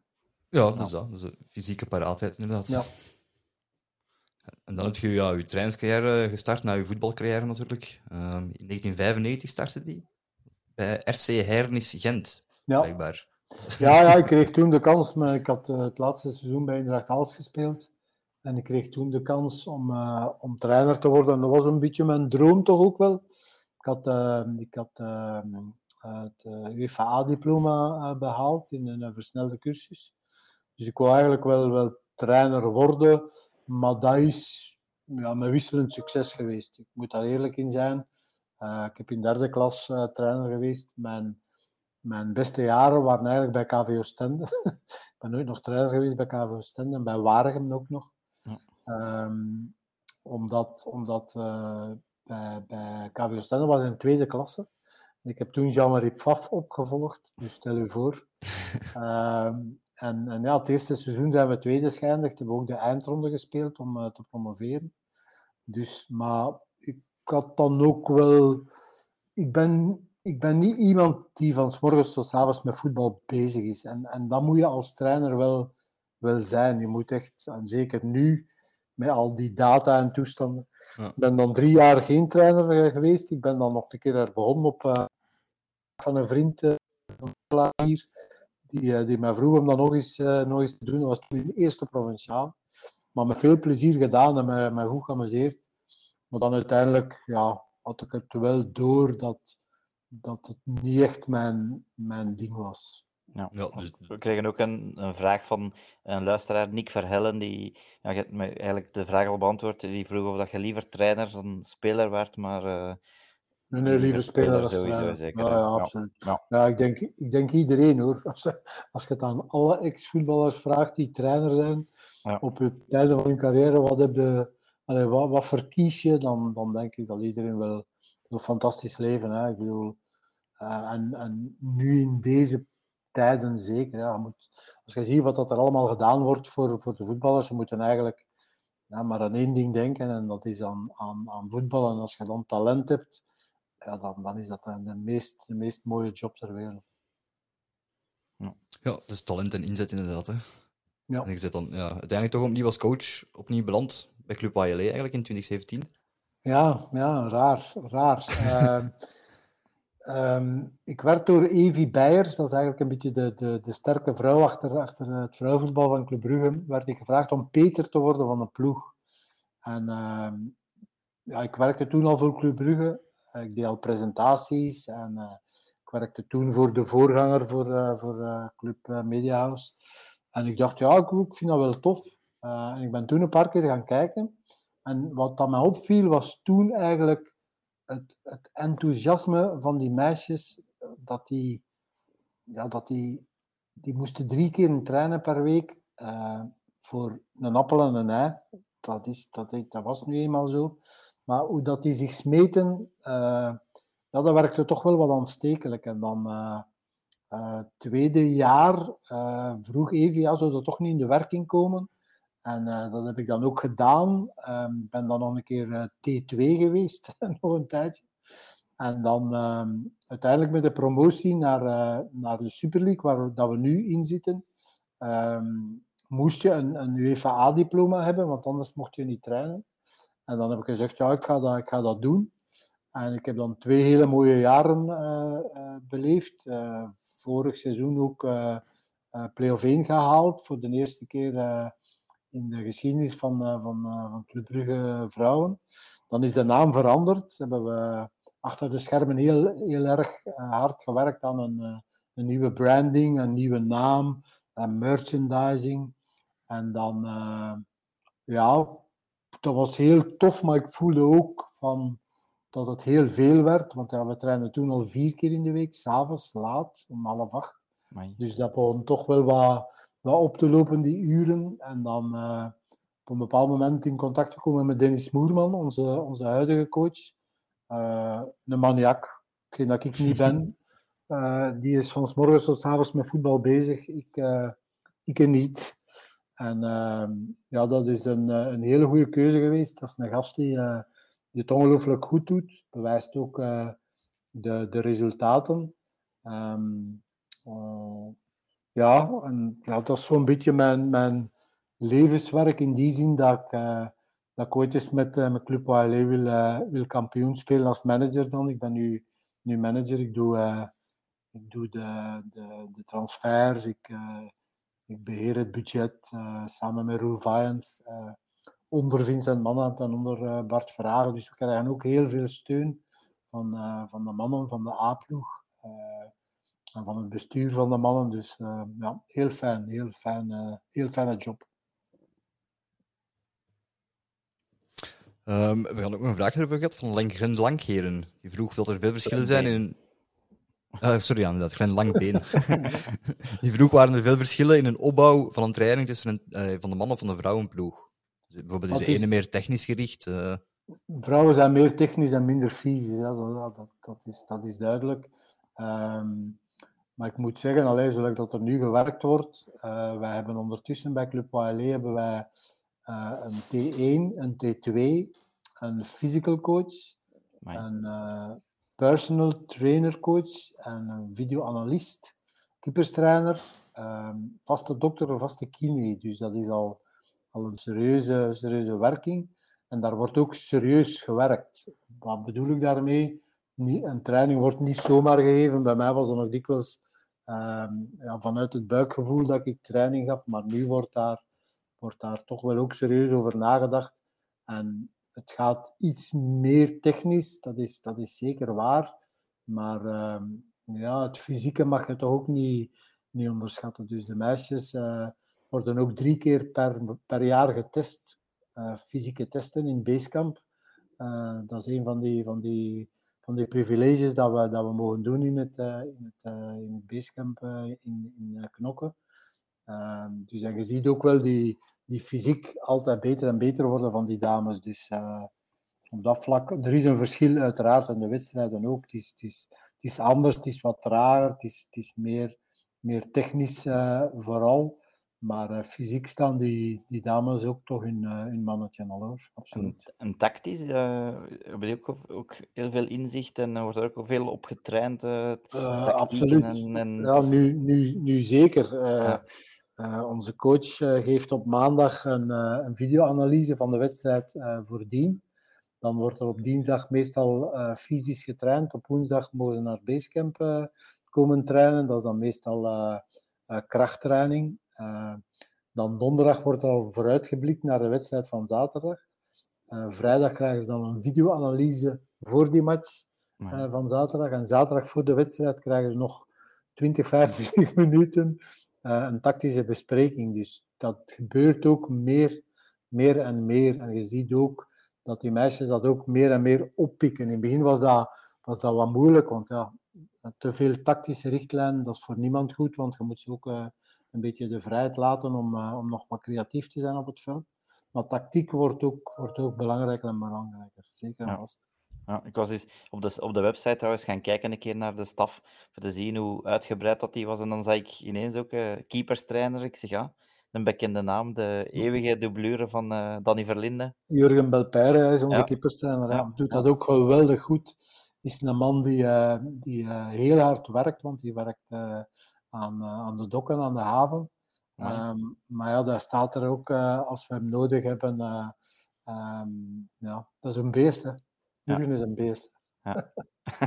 ja, Merkt je ook een, een vervrouwelijking op in de staf? Dat zijn nu enkel, ja, we noemen nu veel mannennamen op, maar ik vermoed dat er ook wel wat vrouwen zullen werken. Onze physical coach is een vrouw, is uh, de dochter van Rick van Slijken, van een coureur, uh, die ooit nog uh, koers heeft gereden. En ze komt uit het wielrennen.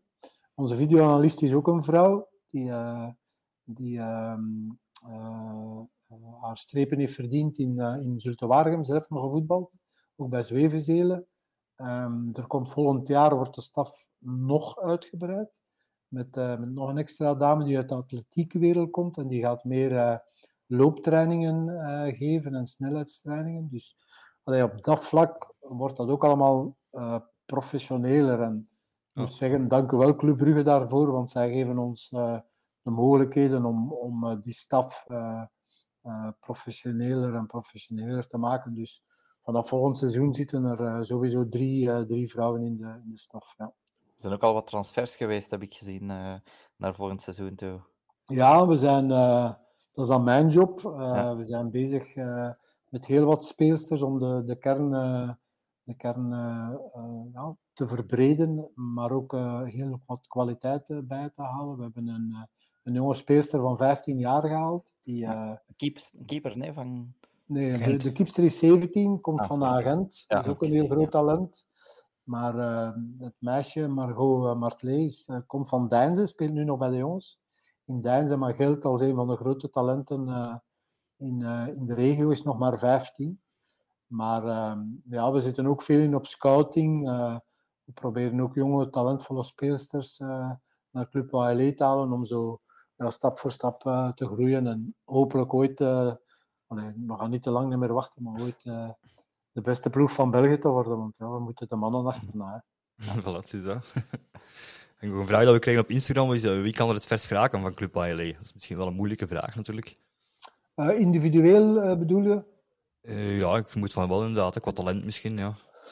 Ja, we hebben wel, we hebben wel een heel groot talent. Uh, Marie Minaert, uh, die van ja. Agent komt, is, is een van onze betere speelsters. Maar ja, er loopt toch nog wel wat. wat ze zijn nu vertrokken naar, naar, de, naar Spanje voor een toernooi te spelen. En we hebben drie Red Flames die dat, er altijd bij zijn. Dat is van Geluwe, Isabel Liliano en Marie Minard. Dat zijn drie Flames, dus dat is toch wel al iets. Maar we hebben ook zeven speelsters van U16. Ehm, die, die ook uitgenodigd worden op regelmatige basis in de nationale ploeg. Dus ik hoop dat er ook ja, een van die meisjes ja, doorbreekt om, om op het hoogste niveau en hopelijk dan ook eens in het buitenland te kunnen spelen, dat we kunnen zeggen van voilà, we hebben dat meisje opgeleid en die speelt nu bij, zeg maar iets, Barcelona. Dat zou wel uh, fantastisch zijn, ja. Ja, en Glenn Langbeen die had trouwens nog een tweede vraag, die vroeg zich of uh, hoe dat je de vooruitgang gezien hebt van vrouwenvoetbal in het algemeen. want dat is toch wel een eigen opmars aan het komen, ook met die met die, met die score Super League en zo. Um, en hoe ziet je Club ALE daar ook in evolueren in de toekomst?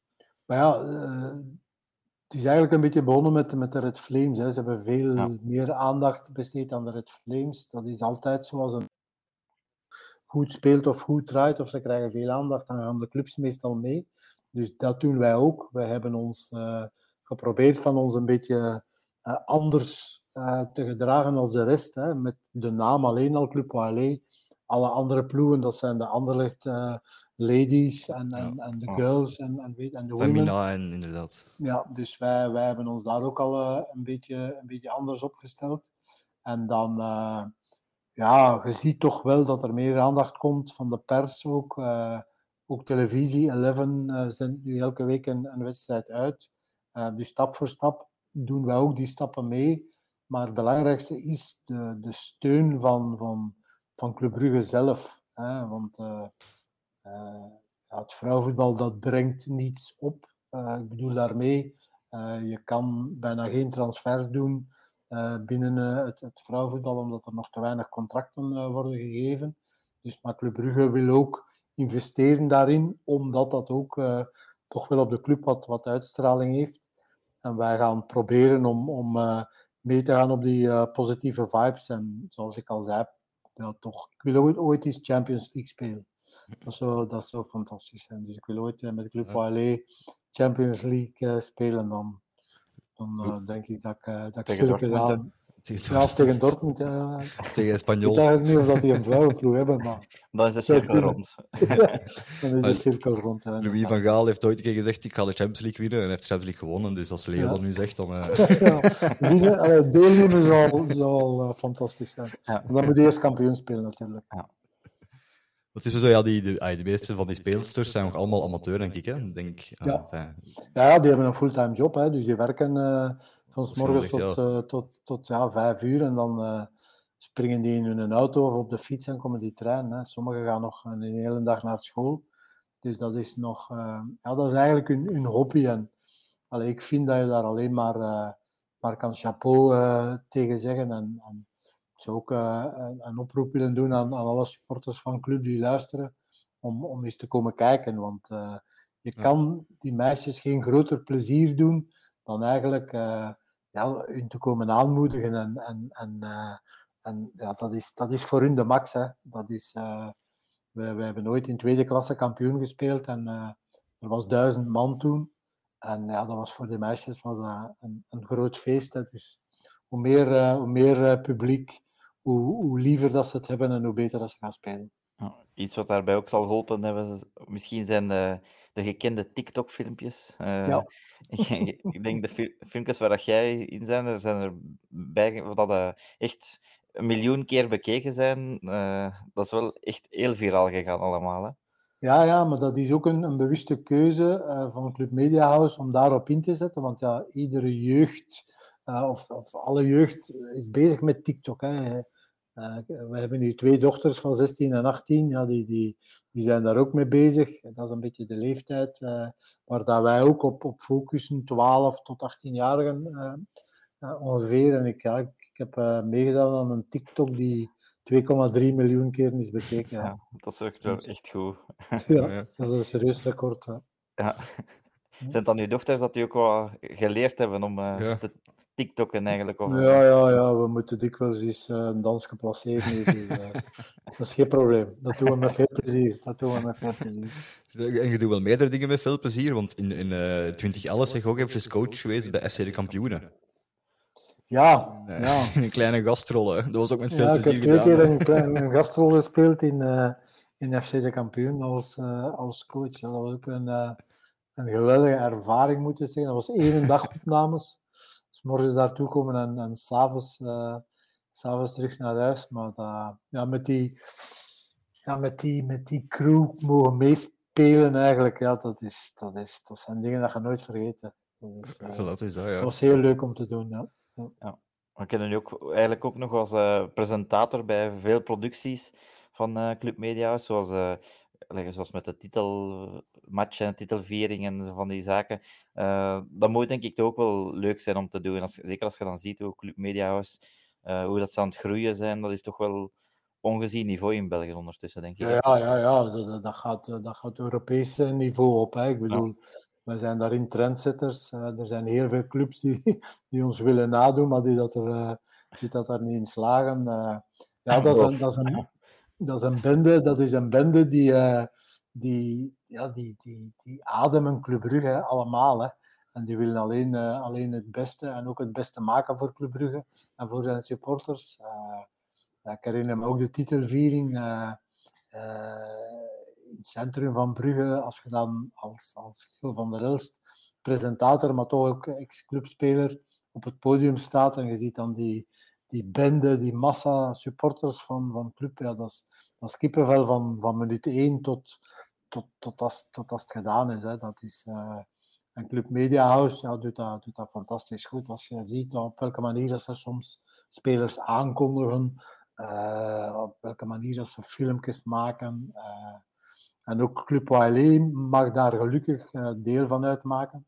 Dus dat, dat is ook natuurlijk, ja, voor, voor, voor vrouwenvoetbal is dat, is een geweldige promotie dat je kan, kan beroep doen op, op zo'n fantastische groep als, als Club Media House. Ja, klopt. Ehm, ik, ben ook, ja, ik, ik had gelezen dat je ook de, de man bent achter het, het eerste voetgolfproject in België. Ja. Is dat iets wat je nog steeds beoefent, voetgolf? Nee, nee, nee, nee. Dat was een combinatie van voetbal en golf. Dat was een, een heel fijne sport eigenlijk. Het enige probleem is dat je dat op een golfterrein moet spelen. En dan moet je grotere gaten maken, want ja, zo'n klein uh, gaatje gaat de bal er. Dat, dat hebben Dus golfers niet zo graag. Ja, dat was voor de eigenaars van de, van de golfclubs toch wel altijd een, een probleem.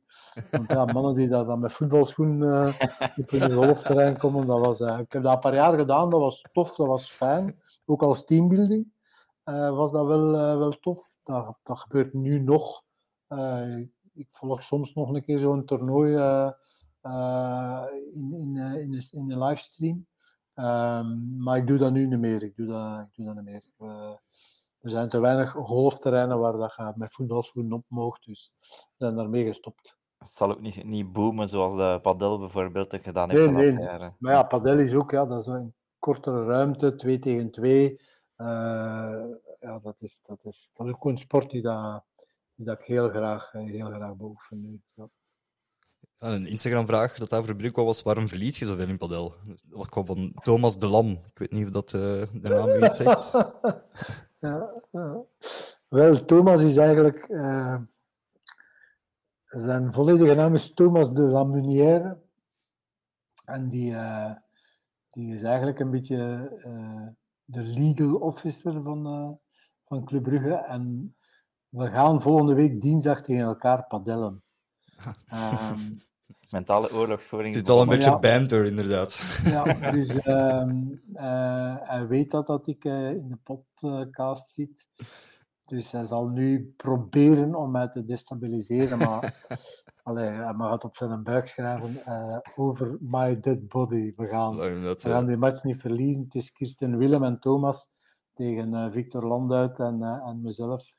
En we, gaan, we, gaan, ja, we, gaan, we gaan tot het uiterste gaan. Dus. Daar wil ik ook wel een livestream van zien dan eigenlijk. Ja, wel. Eigenlijk zou je dat eens moeten doen, dan zou je de afgang van Thomas live zien. Ja, op dus- zeker op de hoogte, zou ik zeggen. Ja, ja, ik ga dat doen. Nog gerust zijn. Voilà, Thomas Leo is goed opgewarmd, dus wees er klaar voor.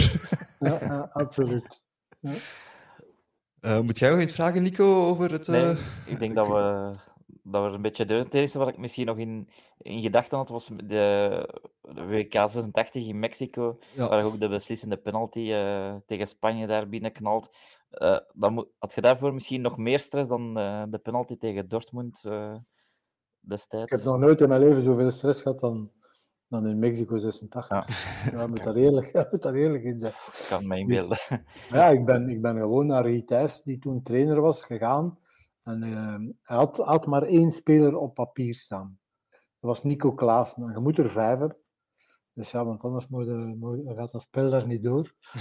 en uh, ik ben naar Gitaars gestapt en ik heb gezegd van een trainer, ik wil je een geven, maar het moet de laatste zijn. Echt, echt waar.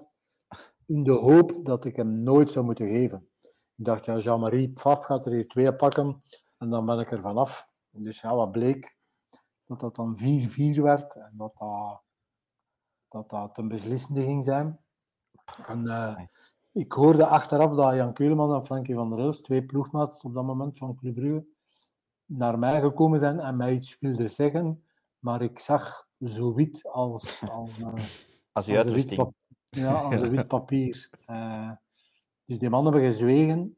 ik ben dan van de, van de middenlijn, van de middencirkel naar de penalty stip gewandeld. Dat waren de, laatste, de langste 50 meter uh, uit, mijn, uit mijn leven. Um, maar ik, ik had een, een plan in mijn hoofd dat eigenlijk geen plan was. Maar ik, ik dacht van, Witte van der Elst, shot zo hard als dat je kunt. Want dat kon ook. Ja. Shot zo hard als dat je kunt. En je ziet wel waar dat, ja, waar dat, uh, waar dat een bal gaat, gaat uitkomen. En ik heb dat dan ook gedaan. En uh, Zubizarreta was toen de keeper van Spanje, keeper van Barcelona. En uh, ik heb pas achteraf gezien welke hoek dat hij is uitgedoken. Dus ik heb eigenlijk halvelings die penalty een beetje met mijn ogen dicht uh, binnengetrapt. Uh, maar ik ben nog nooit, nog nooit zo zenuwachtig geweest als op dat moment. Omdat je beseft wel met wat je bezig bent maar eigenlijk ook niet, want ja, ik kon naar de halve finale van de wereldbeker door die, door die stomme penalty. Dus wat dat betreft uh, ben, ik nog, ben ik nooit in mijn leven achteraf nog zo zenuwachtig geweest als, uh, als die moment. Ja. Perfect begrijpbaar, denk ik. Het is echt wel de ja. ogen van de wereld op u op dat moment natuurlijk. Ja. Op, dat, op dat moment zijn ze daar niet mee bezig hoor. Dan denk je niet hoeveel mensen zouden er nu aan het kijken zijn. Gelukkig. best niet, best niet. Dan uh, denk ik ja, dat we dit deeltje kunnen afronden. Hè? En dan ja. kunnen we overgaan naar de Kage Cup. Ja, Jan. En voortgaan. Ze kunnen niet volgen. Nog altijd. Goal! Goal, goal, goal! Hij is erdoor, Keuleman. Hij is erdoor. De inspanning van het jaar. De Kage Cup dat is de prijs voor de speler, medewerker, supporter of persoon die iets met blauw-zwart te maken heeft en die we graag deze week in de bloemetjes zetten. Elk van ons drie nomineert één persoon en daarna kijken we wie de leukste of mooiste nominatie heeft en die geven we de Kage Cup. Uh, Nico, wat is uw nominatie? Of ik heb deze nominatie? keer niet lang moeten nadenken. Voor mij gaat die naar een sokkie. Ik vond dat hij ja, heel zwak gestart is in, binnen het seizoen bij Club. Of een, dat we wel vragen van, van, zijn, ja, van zijn potentie wel gezien hebben tegen PSG onder andere. Maar dat we daarna toch dachten van, hmm, ja, wat is nu de echt een? Het talent is er, maar het zit precies niet goed in het kopje, een nonchalance. Maar ik vind sinds de match tegen Union Um, ja, ik weet niet wat hij, wat hij gegeten heeft, maar ja, ik wil het ook. dus, uh, echt, sinds dan is dat, is dat precies een andere speler. Hij is sterk in duel, dat was hem daarvoor ook al, maar hij zit er met zijn kopje bij, zelfs aanvallend. Hij, hij rukt op met een bal hij, en hij durft al meer risico in zijn spel, want je ziet ook dat het meestal goed uitdraait. En ja, ik vind hem tegenwoordig echt wel de rots in de branding in, in onze verdediging. En vooral inderdaad, zoals Leo ook al zei, tegen Charleroi was hem echt wel uh, enorm outstanding. Dus, uh, ja, absoluut. Ik vind dat hij, van mij mag hij deze keer wel de nominatie voor de Cash Cup krijgen. Ja, je ziet ook nu, hij is ook sterk nu tegen die kleinere ploegen. Hè? Wat we in het begin verweten, dat hem dan niet goed kon in concentratie. Nu we zien, ja. ja tegen Charleroi was hem goed, ervoor was hem goed. is inderdaad uh, een terechte nominatie, ja. ja. Nu, um, Leo, heb jij een idee voor een nominatie? Ik ga wachten op die van u. Ah, je wacht nu van mij. Oké, oh, ik ga voor, eh, voor, ja, voor Mats Rits. Ik heb het daar straks al gezegd eigenlijk. Ja. Eh, ik vind Mats in zijn, in zijn rol nu ja, fantastisch eigenlijk. Ook de manier waarop dat hij zich inzet voor de club. eh, ja, dat is echt een no sweat, no glory mentaliteit. Hè. Ook dat hem nu ja, die, die twee binnentikt, dat, dat is ook natuurlijk zeer behulpzaam. Maar ongeacht zijn doelpunten was sowieso een nominatie geweest. hè. Ja. Dat begrijp ik. Mijn, mijn nominatie gaat eigenlijk naar een, een speelster van YLA. Ik ga mij nader eh, verklaren. Ehm, er loopt bij, bij YLA ehm, een, een jonge dame rond. Eh, haar naam is Febe van Aken. Ja. Die speelt eigenlijk al denk 12 jaar of 13 jaar bij Club YLA. Ehm is een beetje de Brandon Mechelen eigenlijk van, eh, van, van het vrouwenvoetbal van Club Brugge. En Febe was dit jaar aan haar beste seizoen bezig ooit. Eh heeft alle wedstrijden gespeeld, eh, kreeg een heel weinig golen binnen. Samen met Frieke Timmerman was zij zo'n beetje eh, ja, de rots in de branding achteraan. Maar Febe heeft een goede maand geleden haar voorste kruisband Ja, gescheurd. Ja. Ja, op Anderlecht. En eh Febe wordt morgen geopereerd. En ik zag haar nog vandaag op de training. eh, en, en ze is niet aan het trainen, maar ze is eh, een soort van pre-revalidatie aan het doen. En eh, ja, ze, heeft, ze, is, daar ongelooflijk bang bang van, want ze is nooit in haar leven gekwetst geweest. Nu net, eh, op het moment dat ze eh, zo geweldig bezig was.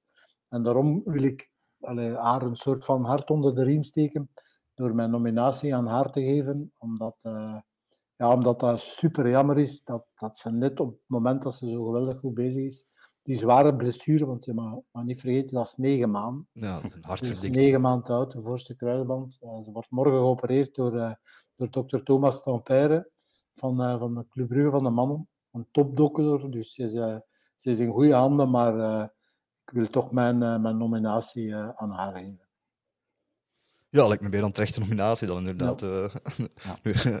Nico, wilt jij dan de, de knoop doorhakken wie dat de winnaar moet zijn? Ja, je doet er, er wel wat aan geven. Ik was van zin van hem sowieso aan een sokkie te geven, maar ja, ik, ik heb ook vroeger mijn kruisbanden gescheurd eh, toen Ja. ik voetbalde. Dat was ook eh, tien maand uit toen. eh, en een helse revalidatie eigenlijk, moet ik zeggen.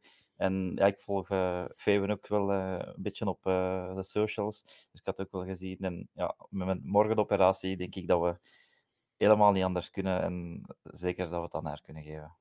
Ja, dat lijkt, lijkt me inderdaad ook het geval, ja. En we denken dat, dat een sokkie binnen twee weken nog steeds een nominatie kan krijgen. En, Voilà, voilà. En Maastricht Maastricht heeft hem dan nog twee keer Voilà, is dat. Voilà, dus ja, terecht. Dus ja, proficiat zou ik zeggen, maar ja, het is maar een, eh, een halve proficiat, want ja, het is een beetje een Ja. zure... Ja.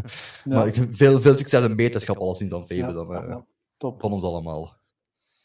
Eh, als we nu overgaan naar het volgende stukje, hè, en dat is de match van volgende week, namelijk Eupen tegen Club Brugge. We hebben het er net al kort over gehad. Het is dan eh, de keerweg, zondag om vier uur. Ik denk, als ik me niet vergis, zijn uitvans nog steeds niet toegelaten dan. Of misschien Eh, net wel dan. eh, ja, ah ja, net, wel, net hè? wel. Net wel, ja, ja. ja, ja, sinds, sinds komende vrijdag Ja, inderdaad. ja, ja. Ja, belangrijk hè. Ja, we hebben het er straks, zoals gezegd, eh, effectief over gehad. Ehm, we moeten, we moeten, ja, je kijkt altijd met een half oog naar de rangschikking natuurlijk, want je wilt wel zien wat dat de anderen doen. Ja, we moeten gewoon die match winnen. Hè. Punt uit. En dat dat niet makkelijk zal zijn, dat zal zeker zo zijn, maar we zijn, oh, godverdomme, hè, toch wel Club Brugge. Dus we moeten, ja, we moeten, allee, wij hebben ook wel een goede ploeg, hè, eh, beste vrienden. Wij, allee, er staat wel wat talent op het veld. We hebben een goede doelman. Verdediging begint, begint beter en beter te draaien. Dat middenveld dat komt ook wel dik in orde. Vooraan hebben we nog altijd Charles, die eh, in moeilijke momenten nog wel een keer, eh, nog, nog wel een keer zal scoren. Dus ja, we moeten gewoon die drie punten pakken. Dus ik, ik, ik kijk daar met een heel positief eh, gevoel naartoe. Omdat ja, als, je, als we kampioen willen spelen, ja, dan moet je zo'n wedstrijd zeker winnen. Dat dat ook de anderen doen, maakt in principe niks uit. Kijk gewoon naar jezelf. Het zijn een beetje van die, van die vechtwedstrijden. Hè? Dat is de mentaliteit dat je moet in Ginder voor te kunnen winnen. Hè? Nu, Ja, tuurlijk, maar ja, we, we, we kunnen dat ook. Hè. Ik bedoel, Ja, ja, net, daarom. Hè.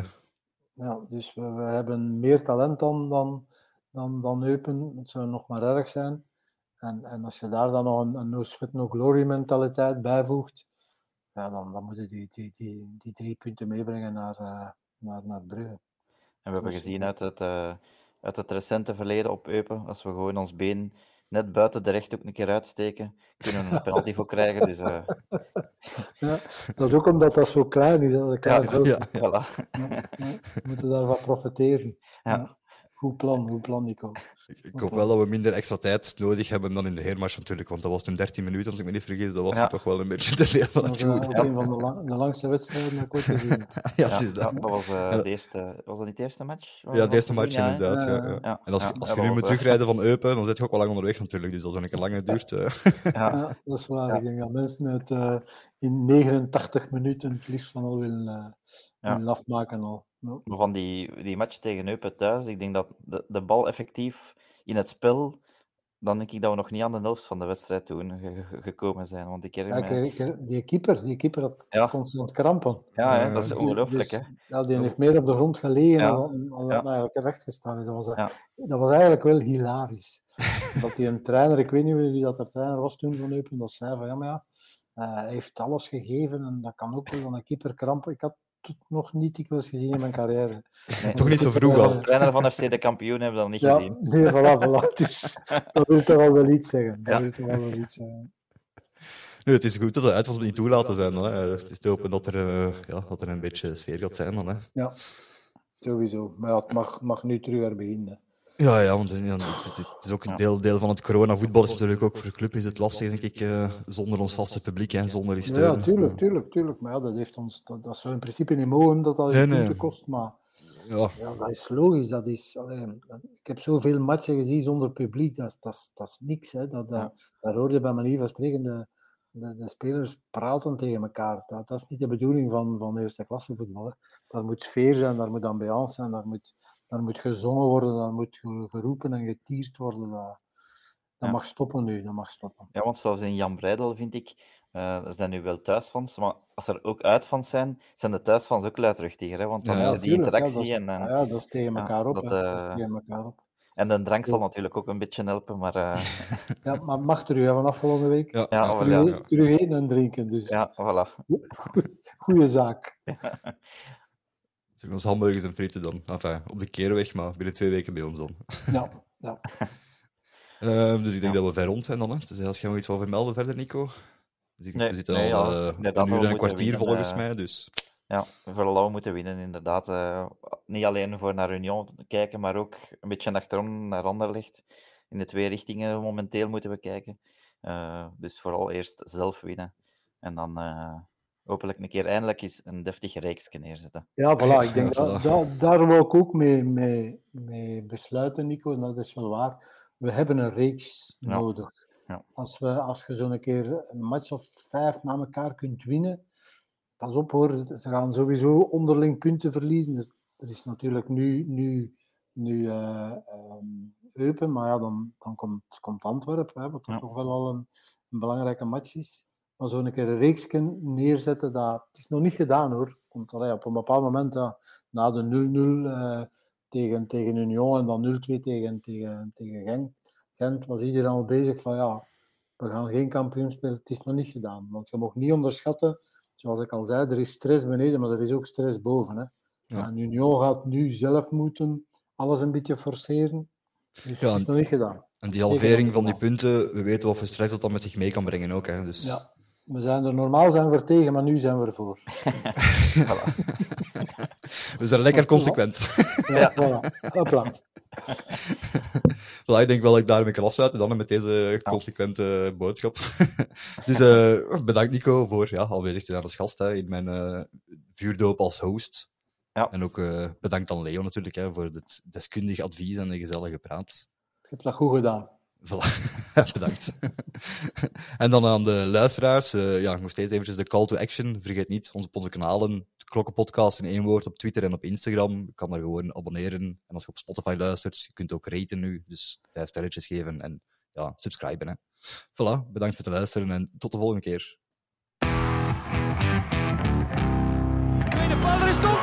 Het is Voorbrengen, de! Duvall